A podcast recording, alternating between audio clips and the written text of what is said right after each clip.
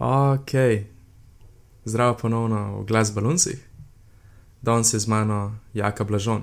Jaka ima pod pasom kar precej zadev, vse od profesionalnega smutanja do tega, da je v founding teamu Povio Labs, agencija za razvijanje tehnoloških rešitev s kar 150 zaposlenimi.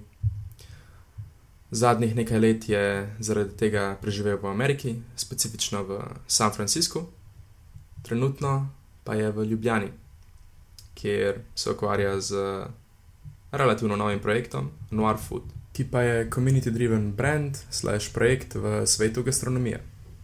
Realno pa verjetno večino časa meša koktejle. Današnja debata je bila res o marsičemu in vse nasprotno od intervjuja. Pogovarjala sva se o koktejlih, o hrani, o tem, kaj naredi svetovno mesto, se pravi, nek kapital, prijetno za živeti, o trenutni situaciji Ljubljane in en kup drugih reči. Sem jaz sva oba kar precej uživala, a, res je bila taka prijetna debata in upam, da boste tudi vi. Naj bo tak nice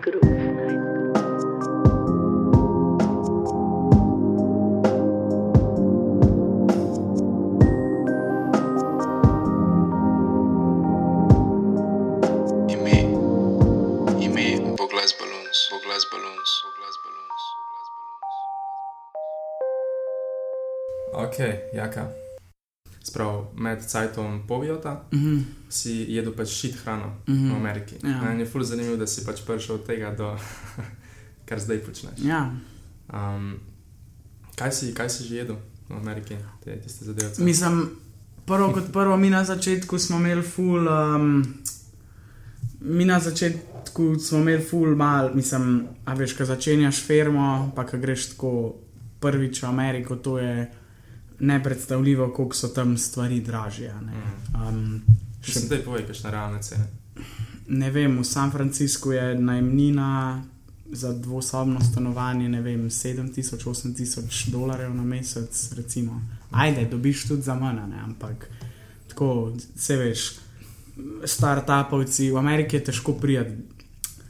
San Francisco je toliko pomankanje fletov, da tam, ne, tam je lahko unka oddaja piki, koga bo vzel.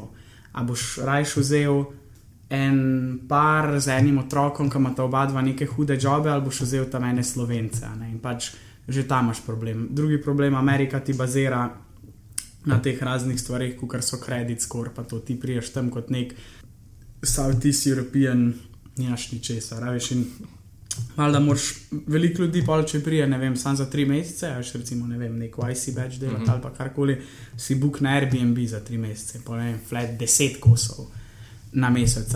In, veš, in vse te stvari se ti pa tako proporcionalno dodajajo. Ne, ne vem, hrana, vino, recimo v trgovinah je ful draže, vino od zunaj je ful, ful, ful draže. Ne vem, pač govoriva kaj. Ne vem, 10-15 dolarjev na kozarc, tako mm. -hmm. zelo drago. No. Hrana, če ni glih v največji krep, je, je, um, je zelo draga. Ne. Večinoma Whole Foods je edini place, kjer je ok hrana. Ne. Ni to tako, kot pri nas, da imaš zdaj ful nekih farmers marketov pocen, pa da greš nekam, ne vem, kupiti krompir za male pare, ki ga en kmet pač to ne postoji. Ne.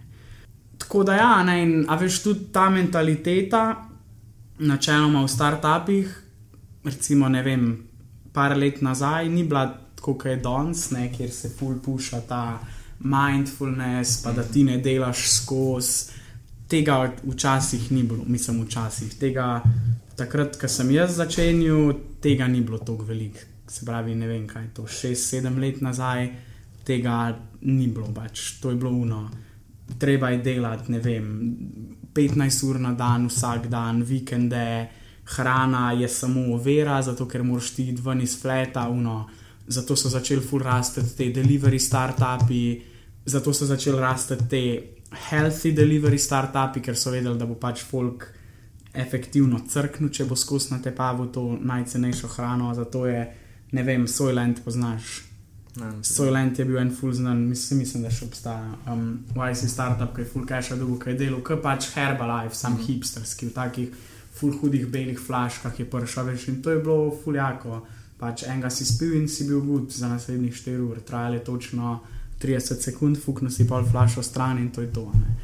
A veš, in ni, ni bilo kleuno, da je hrana nek quality time, ne. hrana je bila bolj burden. a ne. In če zdaj pač, če zmešaš vse skupaj to mentaliteto, uh, denar, pa tudi nek mogoče personal lag, a ne, se mene to takrat ni toliko zanimalo, nisem imel nekih, um, nekih full velikih interesov do tega.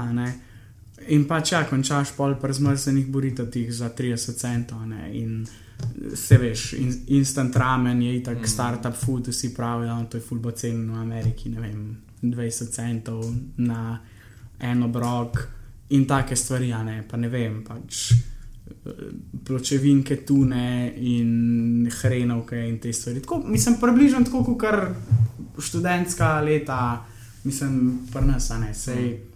Sam da mogoče pri nas ni toliko cash problem, ampak dejansko čas, pa folk tudi nima neki interesa. a veš. Smena folk nima interesa. ja. Jaz recimo za me specifično si ne bi mogel, po mojem, bi si res probil nekako najti nek način, kako bi prišel do neke kvalitetne hrane, ampak še vedno z neko ok.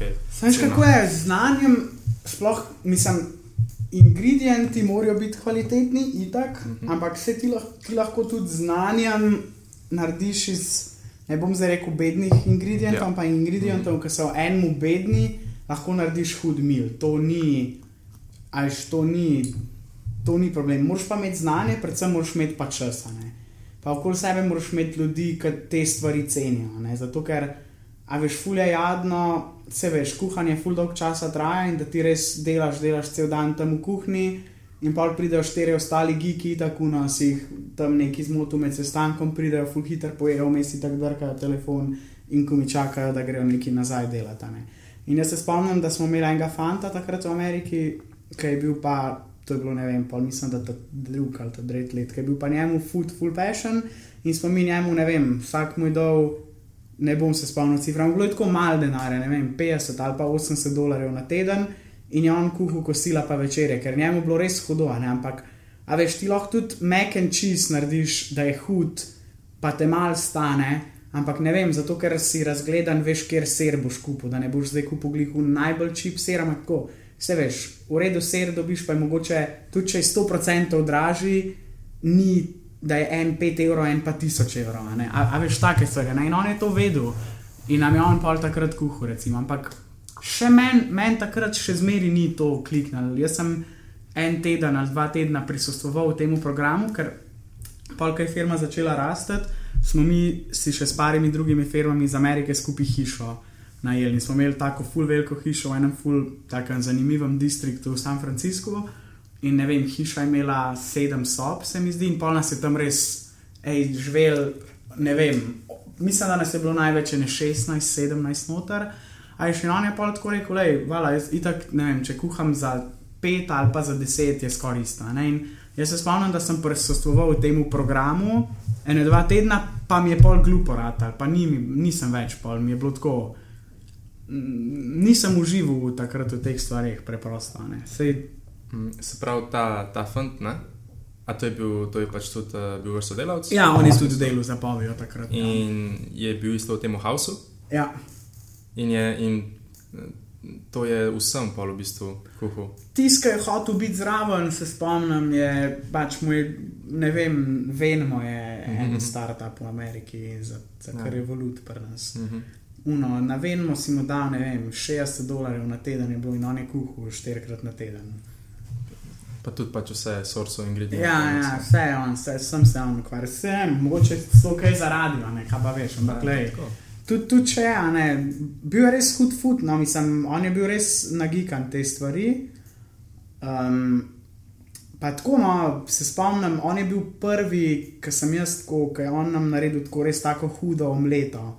Pa veš, ingredient za hudo omleto ali pa sam za umešana jajca. It's more or less the same, mogoče ne vem, malo več putra pa to porabiš, ampak monetarno je približno isto. ne. Sam model je res znal te stvari hudo narediti. Ne.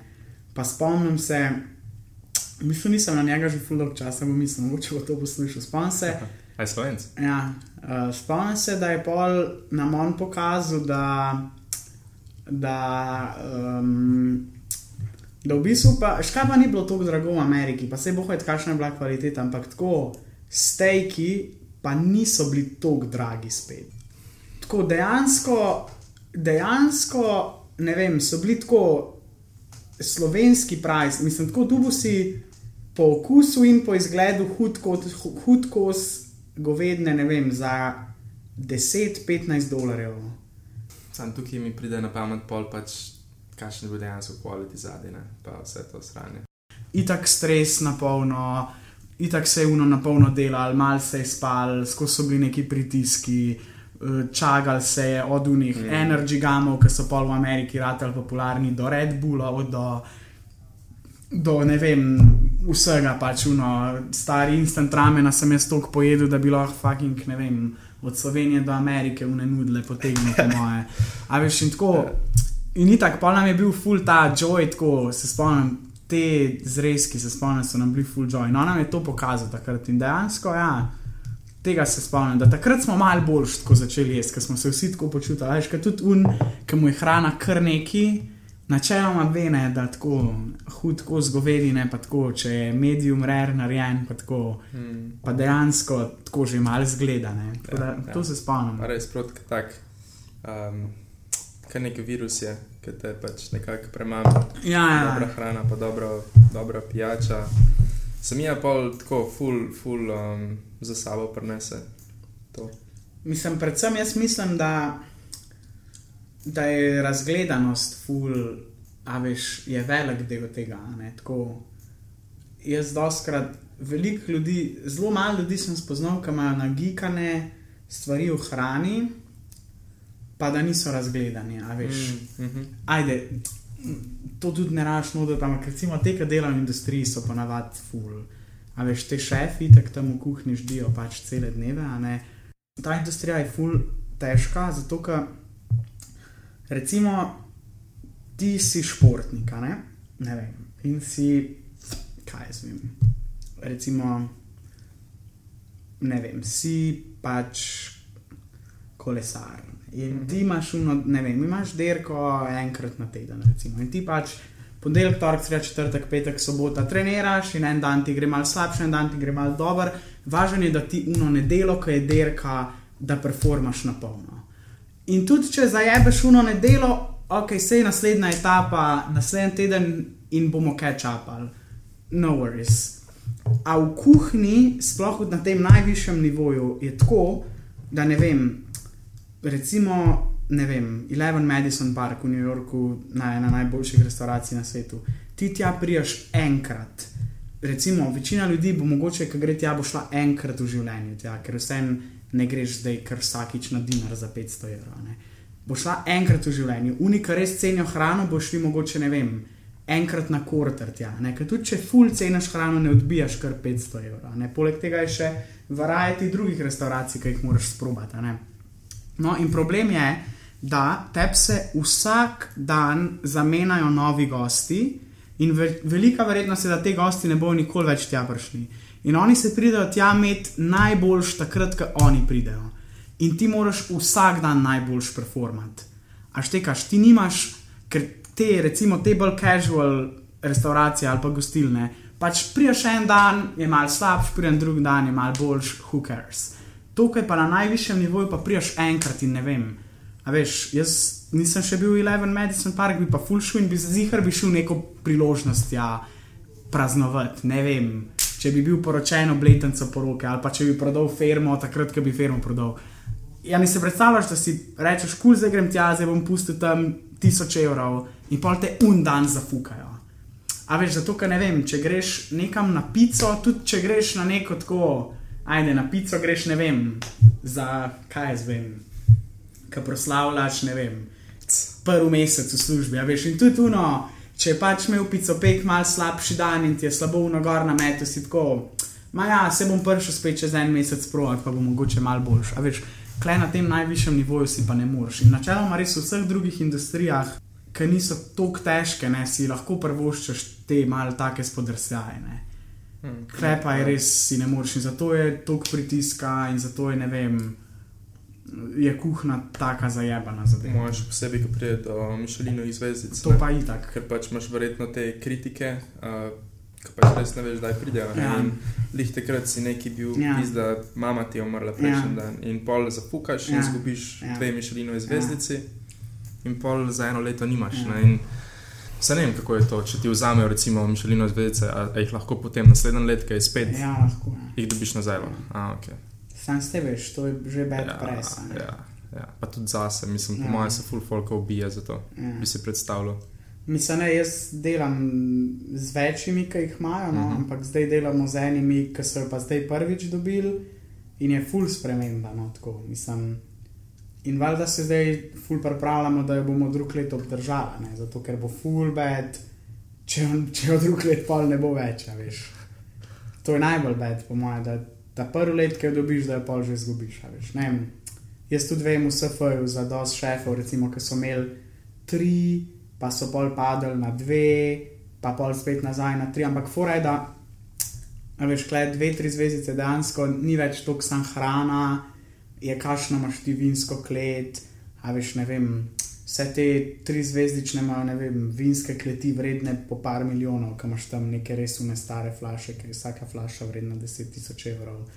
In tako naprej, až ni več sam hrana, tako tudi kašno vodo strežeš, kaš, a imaš, ne vem, brezalkoholne peringe, a imaš za vsako mizo svoj gato čaja za vodo in tako naprej. Pol, pol je že tako, ni več toliko kuhna važna. Ne? Pač te, pri teh enkicah je pa res dejansko. Prav dejansko potem lažje nekako obdržati, ostati na treh zvezdicah, kot kar na enem. Ja, recimo, ne. jaz malo, recimo, to, kar spremljam, pa res spremljam, no, čisto vse vodiče, redko vidim, mislim, ne vidim, dosti tudi, da bi enkice zgubljale. No. Redko, le vem za.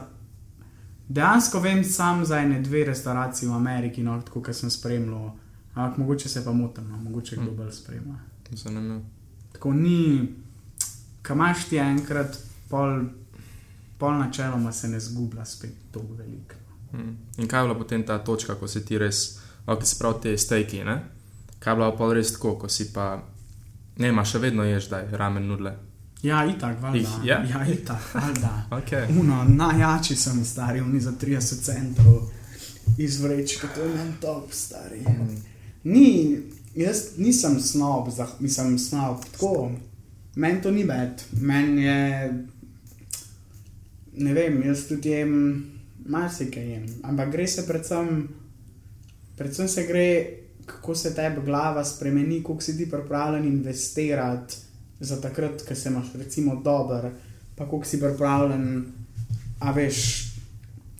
Jaz ne maram ljudi, ki bi pa zdaj rekli, da smo pa kao fine dining, pa ne bomo nikoli več instant ramen jedli. Mhm, To je mhm. bullshit, stari. To pomeni, da, da ne uživaš ti v teh stvarih. Ja, ja, ja.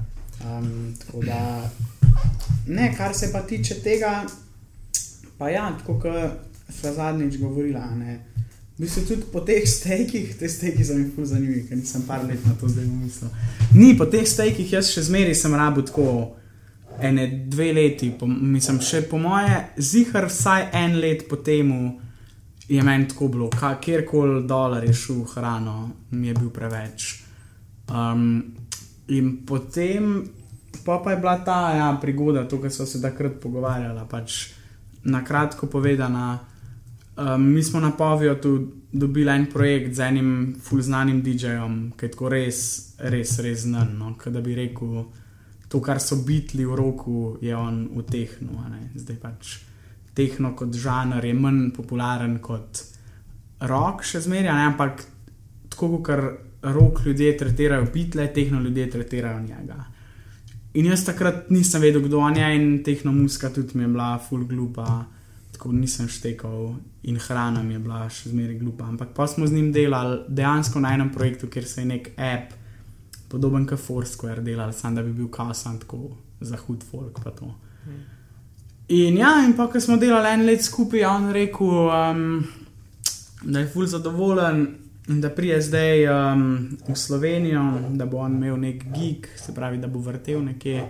tam pri Novi Gorici en čist hud venjo za tehnoplace, tako čist cel tako. In pa smo šli tja, pa je on mene, pa tega dizajnerja, ki smo skupaj delali na tem projektu, povabil. In ja, je rekel tako, da gremo, um, da, bo, da ne si uno, vzameva kar ene 3-4 dni off, pa da bomo šli tja na gig, pa da bomo šli v hišo Franko na večerjo, pa da bomo šli. Um, Pa da bomo šli po, po Brdih, malo wine taste, malo v Italijo. pa tako. In kaj si ti takrat mislil o tem? V bistvu takrat sem tako že mal, mogoče sem takrat že mal tako investiral. Ja, takrat sem že tako mal investiral tudi v hrano. Mislim, tako, sem že- se je že šel kdaj na kakšne večerje, tako, ampak iskreno tako bolj zaradi um, prestiža. No, tako. A veš, da si že mal starejši, pa ne vem, takrat sem jaz že, ne vem. Že štiri leta delal, pa v Ameriki sem bil že tri leta tako, dejansko ne vem, pa že tudi nek denar našparaš. Mm. A veš, ko priješ v Slovenijo, ne vem, greš pol ven, pa tako ne piješ zdaj glih čuz vodke, ne, ampak tako še odpreš kakšno batilje. pa. Um, tako da ja, mi je bilo malo jasno, kam gremo, ne, ampak ja, pa lune štiri dneve sem pa imel res dobro z njima. Ne, to, ne vem, moraš si tako predstavljati, da bi šel z bitli pač na turo. Ne vem, mi smo imeli tako svojega voznika, mi smo tam bili z njim v backstageu, ne vem, v hiši Franko so nas stregali od spred pa od zadaj. Na koncu smo ostali sam mi dva, ta DJ, pa še en DJ iz njegovega labla, pa najboljši saksofonist iz Italije, pa Walter Kramer, ki iz hiše Franko, smo v njegovi privatni kleti neke sere rezali, pa nekaj vina odpirali, ali tako, jaz sem bil pa tam kar en mulj. Um, tako da to je definitivno bil, kar se tiče tako hrane, tako en pomemben preporod. In pa sem jaz videl, da je to ful zanimivo, da tako in nek statusni simbol je, in ful je zanimiv, kako, kako imaš ti en ingredient, ki je čist brezvezen, ki ga znanjem spremeniš, da je hud, itd. itd. In ja, in pol smo malo, mislim, takrat sem začel pol bolj investirati no, v hrano, pa predvsem tudi veliko v koktejle, zato ker koktejli so mi od vedno bili ful zanimivi, ampak tako res na ful visokem nivoju. Tako da v koktejlih sem kar zelo nagikan, no, sem zelo vem veliko stvari o njih, no in sem tudi bil v veliki večini najboljših barov na svetu, da je va reč, ne vem. Tako, ko imaš top 50 listov restauracij, imaš tudi top 50 listov barov, ki jih ista organizacija fura. Ne vem, recimo, da sem jih probil zihar že ene 30 ali pa 40 iz te liste. No. Ker pač sen so mičkan, mislim, so cenovno bolj dostopni, a ne valjda. Pa vse je to tudi tako, ajš tudi koktejl, zdaj ni sam, no, imaš štiri šnopce in jih skupaj zmešaš, dejansko je to isto. Barmeni so ratali že tako, kot šefi, ful kuhajo, ful fermentirajo, dehidrirajo, itd. Ne, in pač. A mi lahko poveš en, recimo, koktejl? Mhm. Sprav, jaz ne, ne vidim tok, uh, evo, recimo, komu si lahko predstavljam večerjo za eno osebo, ne vem, za 100 evrov, 150 evrov, ampak kako bi pa recimo koktejl. A koliko bi stal? Ja, pa kak, iz česa bi bil točno, kakšen bi bil, kaj ga Mislim- naredi drazga. V bistvu, definitivno kvaliteta alkohola. Ne? Mislim pač, le, imaš tako, imaš koktejle, ki so neke klasike, a piješ kaj koktejle. Tako, Okay. Negroni si že pil, da je. ja, Okay. Negroni je čist klasičen koktejl, ki vedno se stoji iz treh sestavin. Ne? To je ponavadi je kampari, pa sladek vermut, pa džina. Ne? In ja, pa imaš neke razne inačice, da džin zamenjaš vem, z tekilo ali pa z meskalom. itd., Ampak, a veš, vse, tudi če se na trepalnice postaviš, ne more biti kukar tok dražja. Tako da ne vem, negroni boš po celem svetu, in v Ljubljani, če boš šel v Kolibri, in v Londonu, če boš šel v nek bar, ne vem, in v San Franciscu, in v ne vem, Kopenhagnu, in ne vem, kjerkoli že, boš vedno ti negroni plačil, ne vem, med 6 in 15 evri, recimo. Ne. Ker dosti barov ima tako filozofijo, da ima ne glede na to, kaj ti naročiš, je cena ista. Zato ker tako nisi pogojen tok sceno. Recimo v Ko- Kolibri v Ljubljani je en tak bar, da kakorko- karkoli boš naročil, boš plačal vedno zdaj 9 evrov. Ne. Um, ne vem, pa imaš pa ti, a veš, pa, pa je zdaj recimo v barskem svetu je zdaj zelo popularno ratal infuziranje, da ti ne vem, neko sestavino, recimo jagode, namakaš nekaj časa v žganju in infuziraš v bistvu to žganje z jagodno aromo. Recimo. In potem, recimo v Kolibriju ima zdaj en drink, kjer potem te infuzirane jagode še prekuhajo in jih potem tako razmažejo in dehidrirajo v pečici in dobijo temu rečejo jagodno usnje. A veš, in to je full časa vzame, tudi dejansko kuhaš, oni pač to v kuhinji delajo. ne. Recimo, pol je ena zelo po popularna tehnika zdaj pri koktejlih, se ji reče fat washanje. Kar pomeni, da ti mast zmešaš skupaj z žganjem. Recimo, najbolj popularen je, da ti viski fat washaš slanino. Se pravi, ti si spečeš slanino in pol mast, ki ostanejo, zliješ v flašo viskija, premešaš in daš čez noč v zmrzovalnik. In ker je mast, ima drugačno gostoto, bo splavala na vrh in bo zamrznila. In potem boš ti naslednji dan to vzel ven iz zmrzovalnika in odbil to mast stran, in boš imel viski, ki bo imel okus po baconu. In potem si narediš old fashioned, kjer daš noter čokoladne biterse, pa palčko čokolade. In veš, to gre ful skupaj dobro, čokolada, viski pa bacon. Ampak to je tako, to je tako že ful ruki, to lahko vsak sam doma naredi. Veš, ne vem. Predvsem no, res v Ljubljani so v Kolibriju, pa v Moderni so res tako fanti zelo, zelo um, napredni, kar se teh stvari tiče, veš, in ne vem. In, in kuhajo, in cmarijo, in infuzirajo, in washajo, in vse. Veš, in to zahteva svojo ceno, ne, da ti to veš in da znaš, in da si te stvari naučen. Ne vem, vem, da imajo za en drink, ki v bistvu fat washajo z arašidovim maslom, veš, in imaš dejansko ima tvoj spirit polokus po arašidih, pa take stvari. In, a veš, to so pač tako zajebane stvari, ne, to full časa vzame. In pol, veš, da ti narediš vse te garniše, ne vem, vem, da zdaj imajo isto v kolibrju en drink, ker dejansko iz tekile skuhajo tak žele in potem limo, limonine lupine vzamejo in ta žele v bistvu naredijo v krhel limone in ti pol poješ ta tekil in žele zraven. Až to je full jebarije, to res dolg časa traja. Ne? In valjda, in je isto tako, až ni, kaj koktejlom dela full krivico, so te gin toniki, pa te stvari, ki pač vzameš un bol, nafilaš z ledom, dve vejce rožmarina, uh, gin tonik in čau. a ne. A veš, in tako da te proper mixologisti imajo pač zdaj svoje probleme, ne, zato ker smo zdaj v tej eri gin tonika. Hmm. To mi je hudo, stari odprl si mi, se mi je tako uh, nov pogled na koktejle. Pač to z mastjo. Ja. Garant bom pač probil sam narediti. A jih Lej, sam delaš? Ja, jaz ful se pač s tem sam doma. Lej pa pejt tudi kdaj, eh, pejt kdaj v kolibri, no, še Mhm. posebej ob sredah, v bistvu noar pa kolibri ful skupaj delata. Ponavadi imamo ob sredah, tako da so malce nej drinki, da lahko še več ljudi pride pa to proba. Tako, dejansko še zmeraj so v moji koktejli meni največji passion. No. Ker, veš, ker vsem si jih ti doma z dost hitrim, čas, ne rabiš, a veš, tudi, tudi v opremo, ne vem.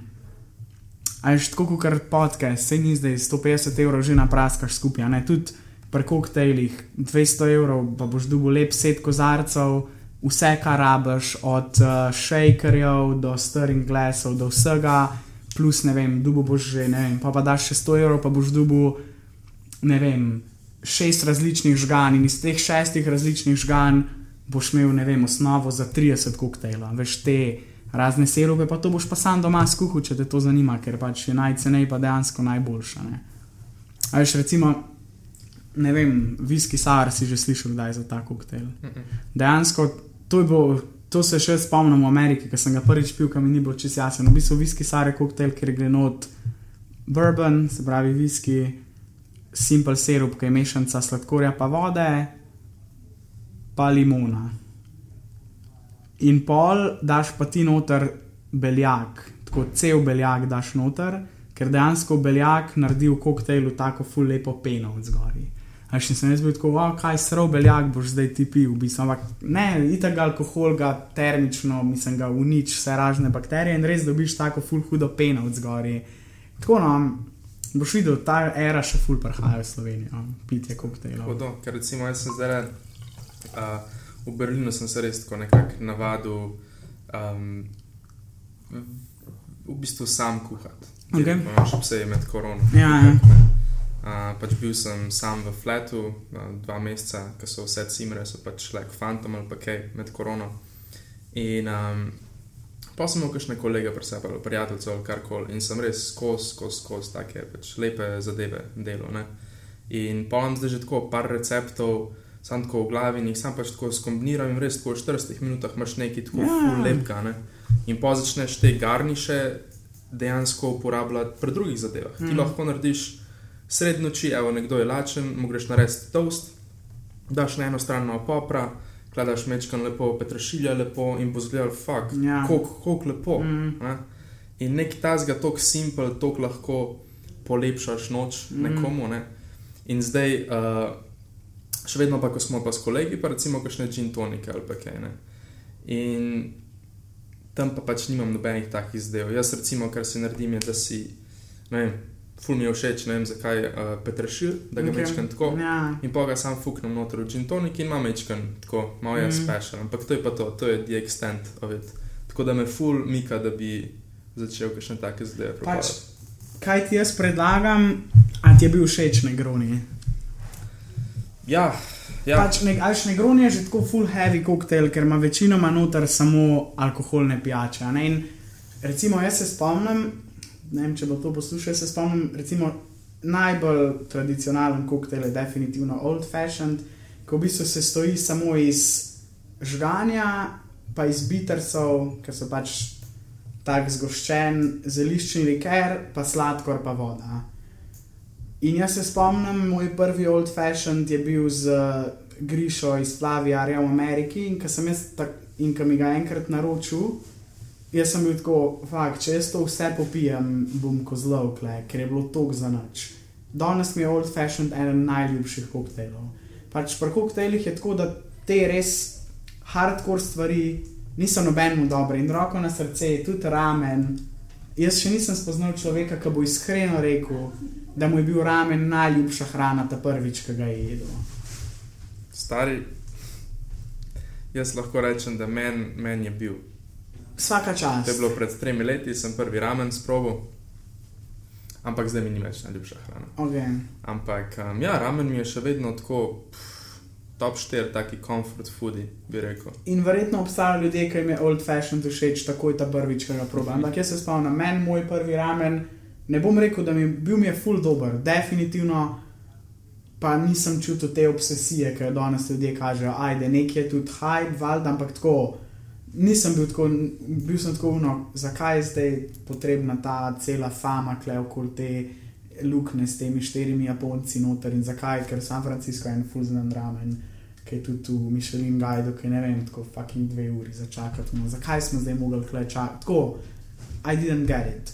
In isto je tako pri koktejlih, veš, in zato veliko ljudi naredi napako, ne, da začne brati in ja, danes je zihar negroni pa old fashioned so zelo popularni koktejli, ki pa mogoče niso najboljši za, za takoj začetane. Tako da, ukolikor, ne vem, recimo ti je gin tonik všeč, ne vem, si recimo pogooglej, mogoče Tom Collins ali pa French 75, recimo so taki koktejli, ki so taki, da vse niso preveč hardcore, je pa treba mal mičken več znanja, pa mičken več kreative je treba pokazati, ker je vse to tako, kot če bi primerjal, veš, gin tonik je tako, je pač, ne vem, goveja juha versus ramen, vse goveja juha je čist kul, ampak tako pač vsem gre ramen mal več, veš. Mhm. Tako da to si mogoče pogleda, ne? še posebej Tom Collins je tak, um, je tak easy start v svet mal bolj kompleksnih koktejlov, brez da se ti zamerijo. Ko si bil nazaj v Ljubljani, si nekako bolj prišel pač v to uh, food sceno, ampak zakaj si sploh šel nazaj v Ljubljano? Mislim, jaz sem bil takrat nazaj v Ljubljani, zato ker um, k polet sem jaz redko kdaj bil v Ameriki. Zato ker pač ne vem, it's quite boring, če nimaš um, če nimaš tako veliko ameriških prijateljev, pa to ni glih the best place to be. Tako da načeloma mi smo na poviju to vedno imeli nekako um, prakso, da so jih prišlo poleti v Slovenijo. Na morje, pa tako, pa tudi poleti se veš, ferme, tako so bolj remote, folk si ga bolj v jemle, a veš, zakaj bi zdaj ti tam full drago življenje plačal, če itak nima nobene, ni nobenih tako sestankov bilo resnih. Pa to tako, da nekako smo imeli kar nekako prakso, no, da smo prišli tam maja, junija domov, pa smo bili pa čez poletje doma. Tako da takrat, ko se je to zgodilo, se je od tega v bistvu že več kot tri leta, po mojem, no. leta 2017, po mojem. Um, jaz sem šel pa nazaj normalno v, v, v Ameriko, vrnil sem se pa pol, niti ne permanentno, ne. jaz sem pol, ker sem se odločil. V bistvu zaštartati novo firmo, to je bilo, kaj je bilo to, januarja 2002, kje ga leta smo zdaj? 20. Ne, to je bilo januarja 2019, ne.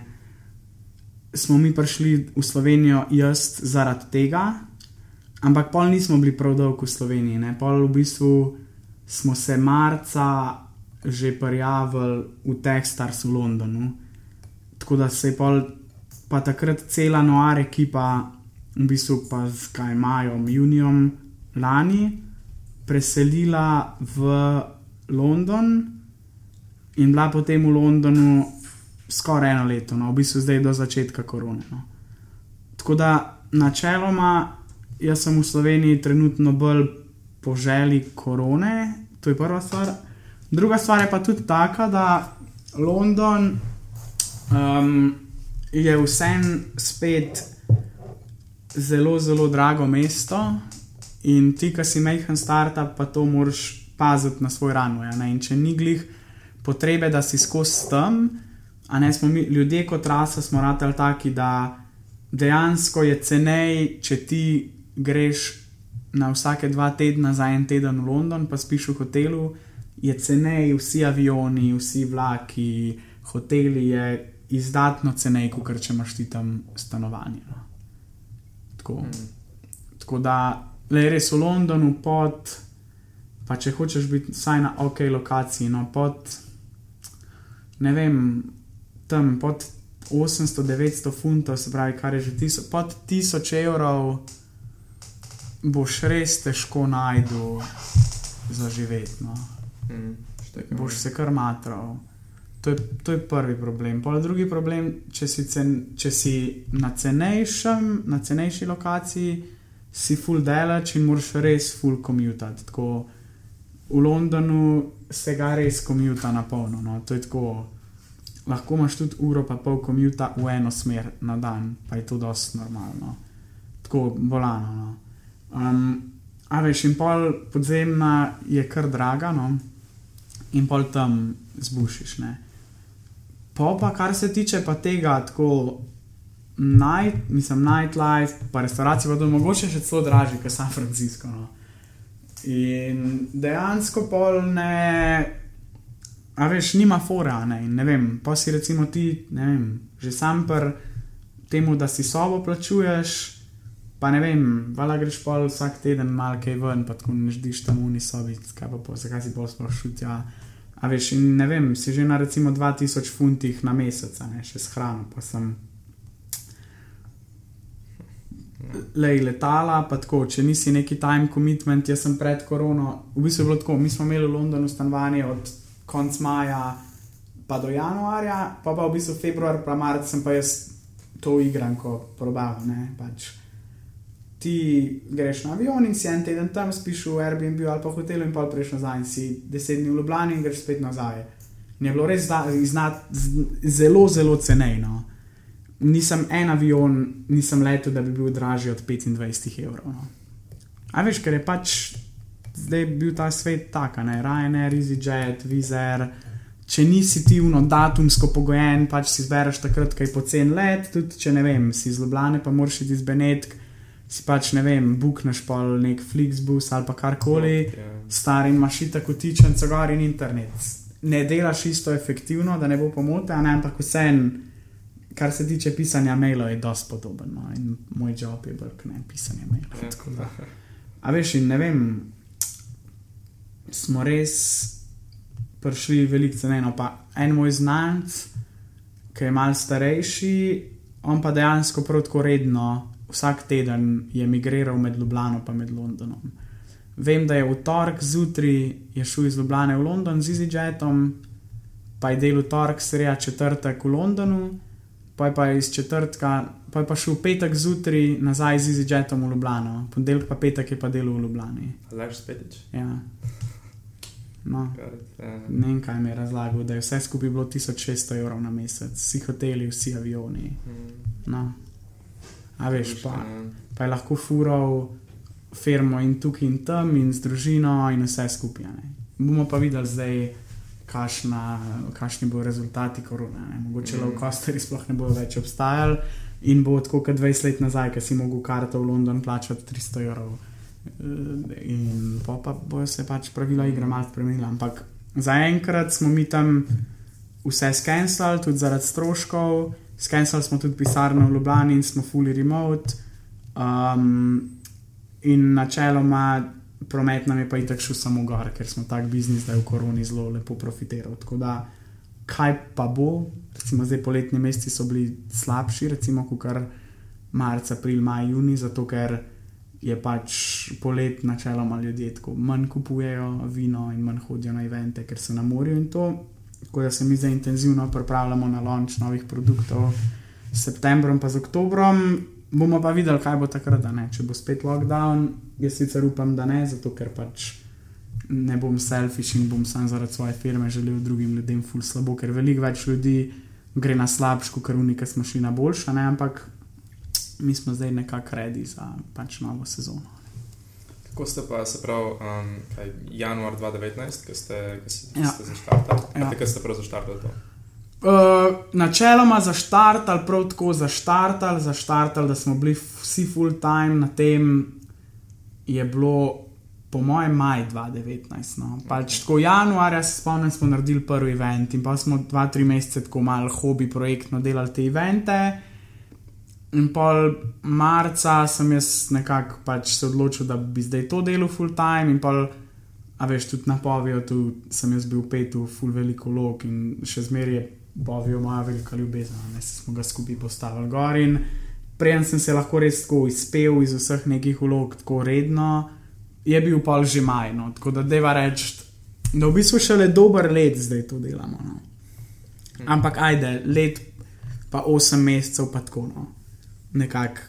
Bolj res, ampak res uno hardcore, pa pač kaj, let pa 3-4 mesece. Mhm. Kako ste pa v bistvu dobili introje po vseh teh pač, uh, vinarjih in vse to? Uh, v ekipi je en fant, ki dela v industriji že, pač, že celo življenje in hoteli in restauracijo ima doma in on pozna vse. Pa, pa je to tako, kot v vsaki industriji, stari. Z enim dobro delaš in ti on reče, hej, no, en moj sosed ima isto vinograd, pa se mu zdi to ful dobr. In a, a veš, najtežje je uno osnovno bazo postaviti. Zdaj, zdaj že jaz postajam, ne bom rekel, znana osebnost, ampak zdaj že načeloma bom tako rekel, da v Sloveniji ni veliko ljudi, ampak to ni dober rezultat, ker Slovenija je majhna, ampak v Sloveniji ni veliko ljudi v gastronomskem svetu, ki, vsaj, ki niso vsaj slišali za noir food, no, tako bom rekel. Seveda je to zelo jalo v cilah, ne, ker je pač Slovenija zelo majhna država, ne, ampak ok, lej, za prvi let v Londonu ve dosti ljudi za nas, v Sloveniji zelo malo ljudi ne ve za nas, tako da, ok, v redu je, zadovoljni. Mhm. Kako pa, uh, evo recimo, ko si bil v Ameriki, ali Ja. pa folk sliši, ok, ti si iz Slovenije. Ja. Kako ponavadi reagirajo? Uh, zelo različno, ne? čisto odvisen je tako, kot um, uh, zelo je odvisen od tega, kaj ti pod svoje ime še daš. Mhm. Več, ko imaš nekih titul, manj je tvoja država važna, oziroma je mogoče lahko tvoja država še benefit za tebe. ne. Ker če rečeš, uh, sem iz Slovenije in naredil sem že to, pa to, pa to, pa to, so potem ljudje, uf, pizda, od tebe se pa to res ni pričakovalo, ne pa pa, a veš kaj ti hočem reči. Ker To je tako, kot če rečeš, da si američan na Stanfordu, ja, ok, prav. U, si tam nek slovenc, ki mu je ratal na Stanford, prijat enemu iz cele države. A veš, kaj ti hočem reči. Pa pač jaz imam tako tudi dosti zanimivo preteklost. Ne? In bil sem profesionalni športnik, s tem, da moji športni rezultati niso bili neki zdaj bajni, nisem jaz bil uh, Tina Maze ali pa kdorkoli, ne, ker sem smučal. Ampak vsem, vse američani ne ve, stari. Če ti priješ pa rečeš, da si smučal za reprezentanco, on zna edin povezati, uh, super, pač profesionalen športnik, ti so ponavadi dobri ljudje, pa tako naprej. Ne, veš, to pol, povijo.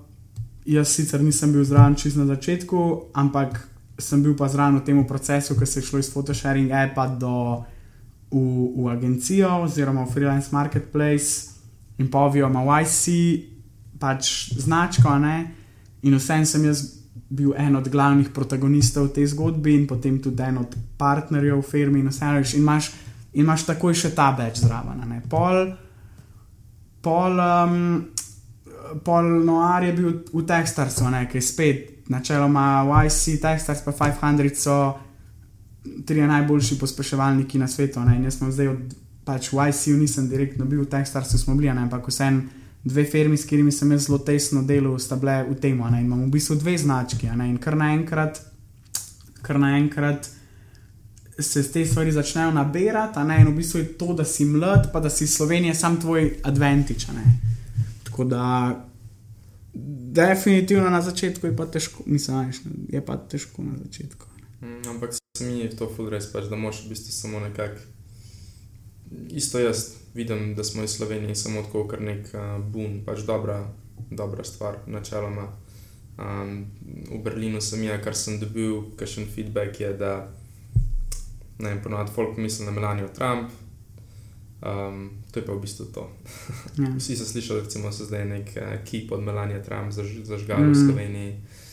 Um, pa ful tudi mislijo, da je to neka država, ki je tako ful bolj vzhodno od Nemčije. Mm. Recimo. Um, Dostko zanimiv, vse te zadeve slišati. Pa če je vedno na koncu bojite, kaj boš tel so tvoje izkušnje. No, ja, je vala, da boš imel mal. Sem vala, da so težki disadvantage, če nisi američan v Ameriki ali pa Nemec v Nemčiji. Ne? Ampak eh, tako, kamo, Evropska unija ni več to, tako, kot je bilo včasih. No? Še posebej nam mladim so stvari veliko lažje, kot so bile našim staršem. No? Oni so imeli veliko večje probleme. Definitivno. Še posebej tako, da greš malo tako po svetu, jugaš.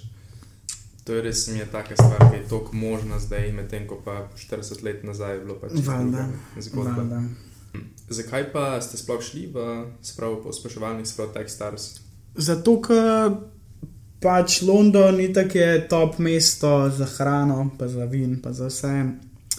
To je prva stvar, druga stvar, London nima um, svoje produkcije, ne? zato ker v gastronomiji je načeloma dost se dogajajo lokalne stvari, a ne Italijani popijajo največ italijanskega vina.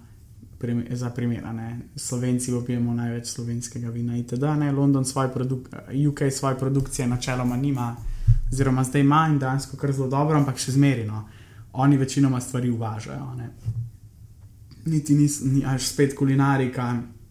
Italijani imajo neko dolgo tradicijo hrane, francozi imajo neko dolgo tradicijo hrane, uniji tam gor pač nimajo več. Imajo pa full velik spend, zelo radi uživajo, itd. itd. In je bila tako nekako logična izbira, a ne? in politik, kaj sami tu nek mest, ko nasilo je težko, mislim, težko. Zato so acceleratorji, da tebi pomagajo. ne, In, in pač smo se prijavili in smo prišli zraven. No, Plus, no, da je tako valjda investment, super, prva stvar. Um, druga stvar, um, tole. No. Spravi, in investment, in network. network, valjda, pač, ker Techstars is for life, ne, zdaj si ti pač founder, tudi če ta firma ne rata, imaš še zmeri network. Až to oni pač res pomagajo founderjem. In tudi, ko novo firmo začneš, še zmeraj ta network lahko leverečeš. a ne. Mm. Ja bi rekel, da je um, ta network močnejši kot v ICU. Ali... Mislim, sigurno ga jaz zdaj bolj uporabljam, ker je to tako bilo recently, ne pa zato, ker Techstars v San Franciscu ni tako močen. Pač v, v San Franciscu ima YC pa 500 startups, imajo, kako se že reče, primat ali kaj že. Pač oni so tam ta glavni. No. In Techstars sta sploh ni v Silicon Valley. Tako da tam jaz nisem, tam nobenega ne poznam, ne, ampak jaz sem bil tudi nekaj časa, mislim, preživel sem neko manjše obdobje, še zaradi ustvarjalnika, tudi v Boulderju, v Koloradu, kjer je pa prav originalno, iz kje je Techstars, tako da dejansko poznam nekaj ljudi iz Boulderja in tudi kršen Techstars, folk sem spoznal še pred povijo tam. No, tako da ti bom pa tako povedal, no, tudi boš sam videl, no, ker enkrat pol zapustiš to tujino ali pa zamenjaš industrijo, vidiš, da ta network, ki ga imaš, pa ki misliš, da je full močen, v bistvu ni tako močen. No. Je tako, veliko, vse, svet se tako hitro premika. Vem, ti delaš v, v advertisingu in si full nabil, daš connect, v ad, v advertisingu in pogreš, ne vem, v hrano. In pa noč ne kečapaš z unimi konekšni, kar je normalno, ker si klej bil, daš nove networke, se pa tam folk zelo hladi do tebe. No. Ni tako, da boš ti prišel po štirih letih nazaj, da boš videl, o, kje ste, kje ste, tam smo bili na enem meetupu skupaj. Je pa folk komadej, pizda, tisoč ljudi je že šlo vmes. Um, mim, kaj zdaj, kaj ti težiš. Razen če ima tudi oni nek advantage od tebe. ne. Hmm. Hm. Štekam, ja, se pravi, personal connectioni. Mislim, valjda boš par ljudi ohranil, Mhm. ne, ampak ne vem, jaz sem napovedal tu na stotine ljudi spoznal, pač res hudih founderjev in vse. Mhm. Kaj ne znaš, kaj to ti, ne vem, če, fila, če furaš billion dollar company in si tam spoznal enega slovenca štiri leta nazaj, neki, kaj boš zdaj v letalu kle nazaj. Ja, sem pa imel glih zdaj, sem pa imel, um, se pa strinjam, da če si pa znotraj industrije, pa pomaga. Jaz sem leta 2015 v San Franciscu prek Flavijarja spoznal founderja od enega full znanga avstrijskega startupa, ki je full cache rezu, ki dela neki, pa dober in gre, no, tako zelo odmevna zgodba je. Pa dela neki dosti podoben nam, tako sicer v drugem sektorju. Sem dejansko pol mu napisal, hej, se spomniš, tam smo bili na Peru leta 2015 in ja, in sem jim model tako, ja, in tako hvala, da se spomnim. In sva šla na kol. Ali še ampak tako, moraš imeti neko rdečo nit. No. Redko kdo bo tebe, američani, fulcenijo svoj čas, ti bo napisal, ne vem, da bi mu ti zdaj, ja, če si v Ameriki, uno za na kavo, za nek čet, za 15 minut, ne, ampak tako. Ne bo folk se ti kar javno nazaj, pa o, kje si, da gre 10 ur na večerjo se nekaj pogovarjati. Ne bo se to zgodilo, no. vsaj po mojih izkušnjah, ne mogoče pa kdo drugačne izkušnje. Čestekam, ja. Zato mi je recimo ful zanimivo, ker smo iz Slovenije, še posebej v Ljubljani. Ti si prav tako Ljubljančan, Ljubljančan. Um, jaz isto in Zala isto, um, tudi druga od Balunsov. In res tako, evo, recimo si začel razlagati nekomu, ki isto potuje v London, takoj sem jo dejal, že spet. Ja, Sem ja, to, ki je vsi en drugega poznamo in ne vem pa, kako je to mogoče v tem, se pravi, biznis svetu v Ljubljani. Uh, ampak bi si predstavljal, da je precej podobno. Pač takoj, po mojem, prideš do nekoga, ja. ki ga rabiš. hiter. Mislim, da tudi tako v tujini prideš hiter do nekoga, ko imaš osnovni network. Ampak vsem ti pa govorim, da moraš se zavedati, da to niso tvoji frendi. No. To je full važen. Da se zavedaš, da to niso tvoji frendi in da ne daješ full high hopes na te ljudi. No. Tako, Mm, to, je, to je važno se zavedati. No. če štekam, ja. Mm, kako bi pa nekako primerjal ameriška mesta med sabo? Ker pač mene, mene predvsem interesira, uh, da bi šel za nekaj časa v eno mesto, sam ne vem, kje. Mislim, tako ti bom rekel. Odvisen je, kaj greš tja delati, pa za koliko. Zdaj, Amerika ima en problem in ta problem s tem problemom se reče viza. Um, ti si lahko v Ameriki brez papirjev samo tri mesece v enem mestu, ne se veš. Tri mesece je mal daljši dopust, no? tako da.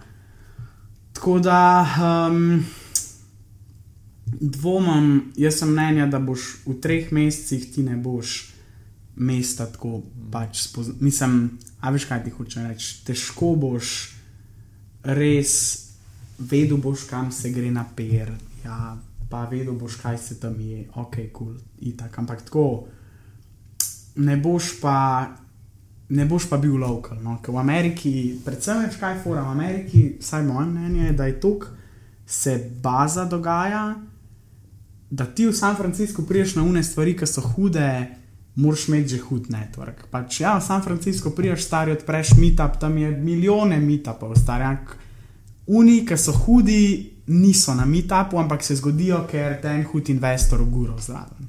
A veš, kaj ti hoče reči? Ne vem, jaz se spomnim, da smo bili na parih žurkah, ki so bili sam za YC community, da še to ni bilo nikjer objavljeno. Tam so, ne vem, bili od unicorn founderjev do novih ljudi, ki so full cache rezali in tako naprej. Ti kot če boš zdaj se usedel na avion in šel tja za tri mesece, ne boš ni, mislim, ja, mogoče po nekem spletu okoliščin boš prišel tja, ampak ful, ful. Težko je, no. zato, je bolj, zato sem jaz menil, da je bolj šiti z neko firmo. Ne. Pač, če dobiš priliko, ne vem, da z nekom delaš, pa kukar, da te bolj on pol za darilo tja pele, a veš kaj mislim. Ne vem, da bi tvoj startup zdaj se širil, kaj jaz vem, v New York in bi ti full, kar klej grindal, grindal, grindal na polno in pa bi ta founderska ekipa tja šla in pa bi se ti tako zmenil, da greš pač zraven kot support, pa za vse dobro delo, ki si ga upravil. To, sem, to je moje mnenje za, za najboljši skupiček. No. Sem pa jaz iskreno nisem najbolj naklonjen, da bi zdaj pa ti full na silo, kar kupu karto pa šel. Se mi zdi, da je moje mnenje, da je Evropa veliko boljša destinacija za te stvari. In pač so mesta, ki so, ne vem, boš dejansko spoznal, dejansko frende, kot v Ameriki so ljudje full artificial. No, boš spoznal frende, mislim, le, če, vala, če hočeš iti pet, ne, pač ni. Ampak tako, jaz imam, jaz, ko pogledam sebe, a ne koliko smo se mi jače, tako jače imeli, pa vse na začetku v Londonu, kot v Ameriki, je definitivno to tudi zato, ker je Evropa tako drugačna od Amerike. To je pač moje mnenje. So si pa mesta, ne vem, valjda, da so si različna. Pač ja, ne vem, San Francisco je, eh, je bolj za teh, eh, pa za start-upe, ne vem, LA je bolj za advertising, mislim, bolj za, ta, za production, no, za oglaševanje, pa to New York je, kaj jaz vem, za banke, pa za modo. Mm. Ne vem, je, Miami je za. Ne vem točno za koga, za nekaj se gotivijo na plažah. Boston je za education, ne vse imaš tam MIT, pa Harvard. Mm -hmm. um, kaj z vem, Boulder, Denver je za folk, ki jim full sede narava. Ampak tako, Portland je recimo tako, po mojem mnenju. Sicer res v Portlandu nisem bil, v vseh ostalih mestih, pa v Portlandu, pa v Bostonu nisem bil nikoli. Ampak ja, vse ostalo sem bil tudi tako zaradi biznisa. Ampak um, ne vidim takih razlik, kot v Evropi. No? Zato, ker vse en Berlin, pa ne vem, Amsterdam, sta si ful različna, London, pa Pariz, sta si ful različna. A veš, kaj mislim. Tako da. Ne, če štekam. Ja. Hm. ja, meni je Berlin je res taka. Um, isto, kar si rekel, pač toliko jakih eventov se dogaja, ki ne bo noben vedel, razen če pač si res povabljen. Ne? Ampak v Berlinu je mogoče malo bolj, se pravi, so to kakšni taki res ekstra močni kulinarični.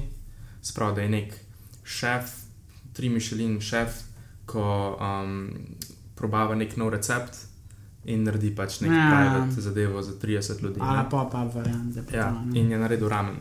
To je ena zadeva, ko sem bil povabljen, ampak nisem pa šel. Ja. Um, pol, ali imaš pa partije.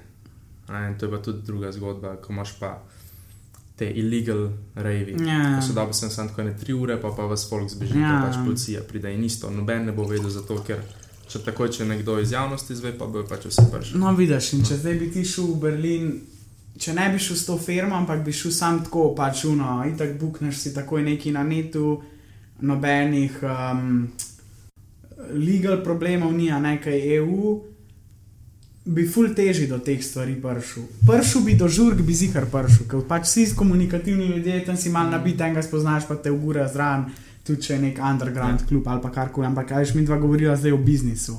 Folk pa ne bo tujca, ne bomo on svojih konekšnov odpiral zdaj. A, a veš, kaj ti hoče reči? Ne vem. Recimo, zdaj mi dva se že malo poznava, če bi ti prišel v London, pa bi rekel, hej, uno, kaj se danes dela. Bi jaz rekel, ja, valjda, le, ne vem, tekstar smo itak tam pač open pisarno za founderje, ne vem, vsak drug četrtek je tam suši, pa vsi founderji ga hangajo. In vsak, načeloma je pač tako policy, da se koga še prepele zraven, ampak tako, nekoga, ki mu res zaupaš. Mm -hmm. A veš, kaj ti hoče reči? Zdaj, ne vem, mi dva zdaj to delava, pa bo mogoče šla kdaj še kaj, ne vem, na kakšen drink ali pa kaj. Mm -hmm. Uh, in pa bi ti meni napisal, hej, sem v Londonu, kaj se kaj dela. Ja, te bi že rekel, prita, ne, če bi pa ne vem, si tam na cesti spoznala, tu če bi bil kul cool gaj, iskreno te ne bi ti, ja, furu, ne. Bi pa te furu, ne vem. Če bi pa slučajno zvedel za nek full hood house, kar z enimi randomi, bi pa rekel, ja, ti je dolg čas, da je slovenc, no, in tako, da gremo ga mal zabluziti. A veš, zakaj ti pravim? Zato je, ampak le, itak smo še vsi mladi, če pač nekomu sede, iti ne vem, v Ameriko, experience ta, ker vse na ameriški način življenja malo drugačen, valjda, to je fulora pridika. Ne? Ampak je pa spet tako, it costs a lot of money. Mm. Tako da moraš ugotoviti res, tako, kaj je. Se, sem jih to, kar si povedal glede Londona. Uh, jaz sem pač izbiral med Londonom in Berlinom Ja, za tole mojo prakso. In zdaj v Londonu bi imel pač plačo itak večjo, um, mogoče bi tudi živeti v, uh, spravo bi za Ernst Young bi delal mm. -hmm. in bi direkt uh, zraven njihove pisarne uh, bi imel flat. okay. Ne vem, en pač baj je dosti jak distrikt, ampak je drago. se to je po mojem tam City of London, ker so vsi te konzultingi pa to. Ja, in, um, ampak še vedno, verjetno, po mojem, bi bila ta moja plača. Nisem direkt zvedel pač cifre, ampak ne bi mogel si tok uh, strna zadev, pa eventov, pa tega prvo šel, mm. Mhm. sem si v Berlinu. Ne, ko v Berlinu realno cenejši kot Ljubljana. Ja, kar je, kar je valjda, dosti valjda. tako malo žalostno. Ne. Pač spending power ima trikrat večji, povprečen Berlinčan. Vse je pa tako za 20 posto cenej kot Model je Ljubljana. bila najtak nabita, napolno, tako s cenami in za Mhm. samo. Sam sej, ne vem, koliko časa bo to še trajalo, iskreno. Ja, Pač meni se zdi, da ni čist normalno, no, zato ker v Sloveniji plača ne gre prav zelo nikamor. Je pa dosti ljudi, ki so prišli nazaj iz tujine, pa so vse tam ful zaslužili, pa delajo remote, pa tako vse, tako da oni nekako industrijo vlečejo naprej. No, ampak tako nek medium worker, pa ni njegova plača šla to gor, da bo on zdaj hodil na pice za 12 evrov pa na gin tonike za 10 evrov, pač to ain't gonna happen. Mm, ampak je fully zanimivo, da smo na tej točki, ker je res pač vse tako drago za nas, ampak folk tako. Pač, A veš, pa renti so dragi, fleti za kupati so dragi, pač tako. Mislim, vse je na svetovnem merilu poceni, ampak tako, moje mnenje je pa samo, da plača tako, pa ne teh sektorja, pa startupov, to je tako neka nebuloza. Tako. mm, To ni realno stanje marketinga. Tako, ne vem, kaj plača, ne vem, nekoga, ki dela, ne vem, v neki intermediate firmi, ne vem, na telekomu stari, pa ni šla zdaj neki tako gor bliskovito, da bi, ne, in to je full nefair, po mojem mnenju, do teh ljudi, da zdaj se kar nabijajo cene. Ampak ok. mm. Ja, isto se mi zdi, uh, fleti v centru, pač jaz sem na friju ne, Ja, konkretno sam sošolci iz frija, pa zdaj, ki diplomiramo vsi, mm. si pač vzamejo flet v centru. Ne. Iz vseh ostalih faksov, ki jih poznam, noben si ne vzame fleta v centru. Razen če si pač ljubljančan, Ja. živiš pri starših mm. v centru. In je dosti tako bedno, ja, res. je mi ga pač. Ja. Ampak je reality. Taka, um, glede na to, da so sami, se pravi, tech folk, da je zdaj Mhm. nekako v centru Ja, in po v naslednjih šestih letih bo tega še več. probably, ja. In itak smo kle v Ljubljani tako agregirani, vse se dogaja v radiju, mm. tako dveh kvadratnih kilometrov ali pa enega realno. Um, in kakšen fulkulski coffee shop lahko tako fajn se zaštarta. Mm, Ja. to, to bo še prišlo. Ja. Mm, Ali pa zadeva, ker je noir food. Ne. Sem jaz tako tak full jak timing za Mm. nekaj taska. Ne, itak, valjda. Timing je ta pravi. Timing, mislim, edini bomo videli, kva v skorono, ne. Ja. Ampak ja, timing couldn't be better. Mm. Okay. Se pravi, na koncu vsake epizode gost pove, kaj vidi za imenom, se pravi, glass balloons, stekleni baloni. Um, v bistvu je tako, da takrat, ko smo se mi dva pogovarjali za to epizodo, sem si jaz pa malo poslušal. Pa recimo, da te spikere, ki so bili do zdaj, večino jih dejansko poznam, ene bolj, ene manj, pa nekako sem videl, um, da povsod je neko to prepletanje, ta neka um, sinhronizacija med tujino in Slovenijo, pa mogoče ljudmi, ki so šli v tujino, pa prišli, mislim, prišli nazaj, nekako migrirajo. Ne? Je meni mogoče svanulo, da je to, da je glas balon zato, ker pač balon poleti. Ampak ker je glas, da se lahko razbije tudi in da je v bistvu pač riski move, če greš ti v tujino. Da tudi če si balon, ki bo poletel, da glas balon bo mogoče se še hitreje razbil kot navaden balon. Tako dejansko jaz sem na to pomislil. Which, I guess, ne vem, nima glih nekega tako pomena, ampak na, na to sem pomislil, no, da, da v bistvu ti iščeš te balone, ki so šli in so skozi tvegane, ker vse steklo je tveganje. Tudi če držiš en drag ridlov kozarc, tudi če si že veliko vina popil, je tako malo, da ga nam zdaj glih razbila. Ne. In kat, evo, to je to. Hvala, ker ste poslušali tokratno epizodo. Če poznate koga, ki bi ga podcast zanimal, dajte mu poslati link. Če še niste subskrbeni, se prosim, dajte. Če se vam pa zdi, da je to, kar zalo počneva, resnično kul, cool, pa stisnite rating in review, res pomaga. Stay. Glasi.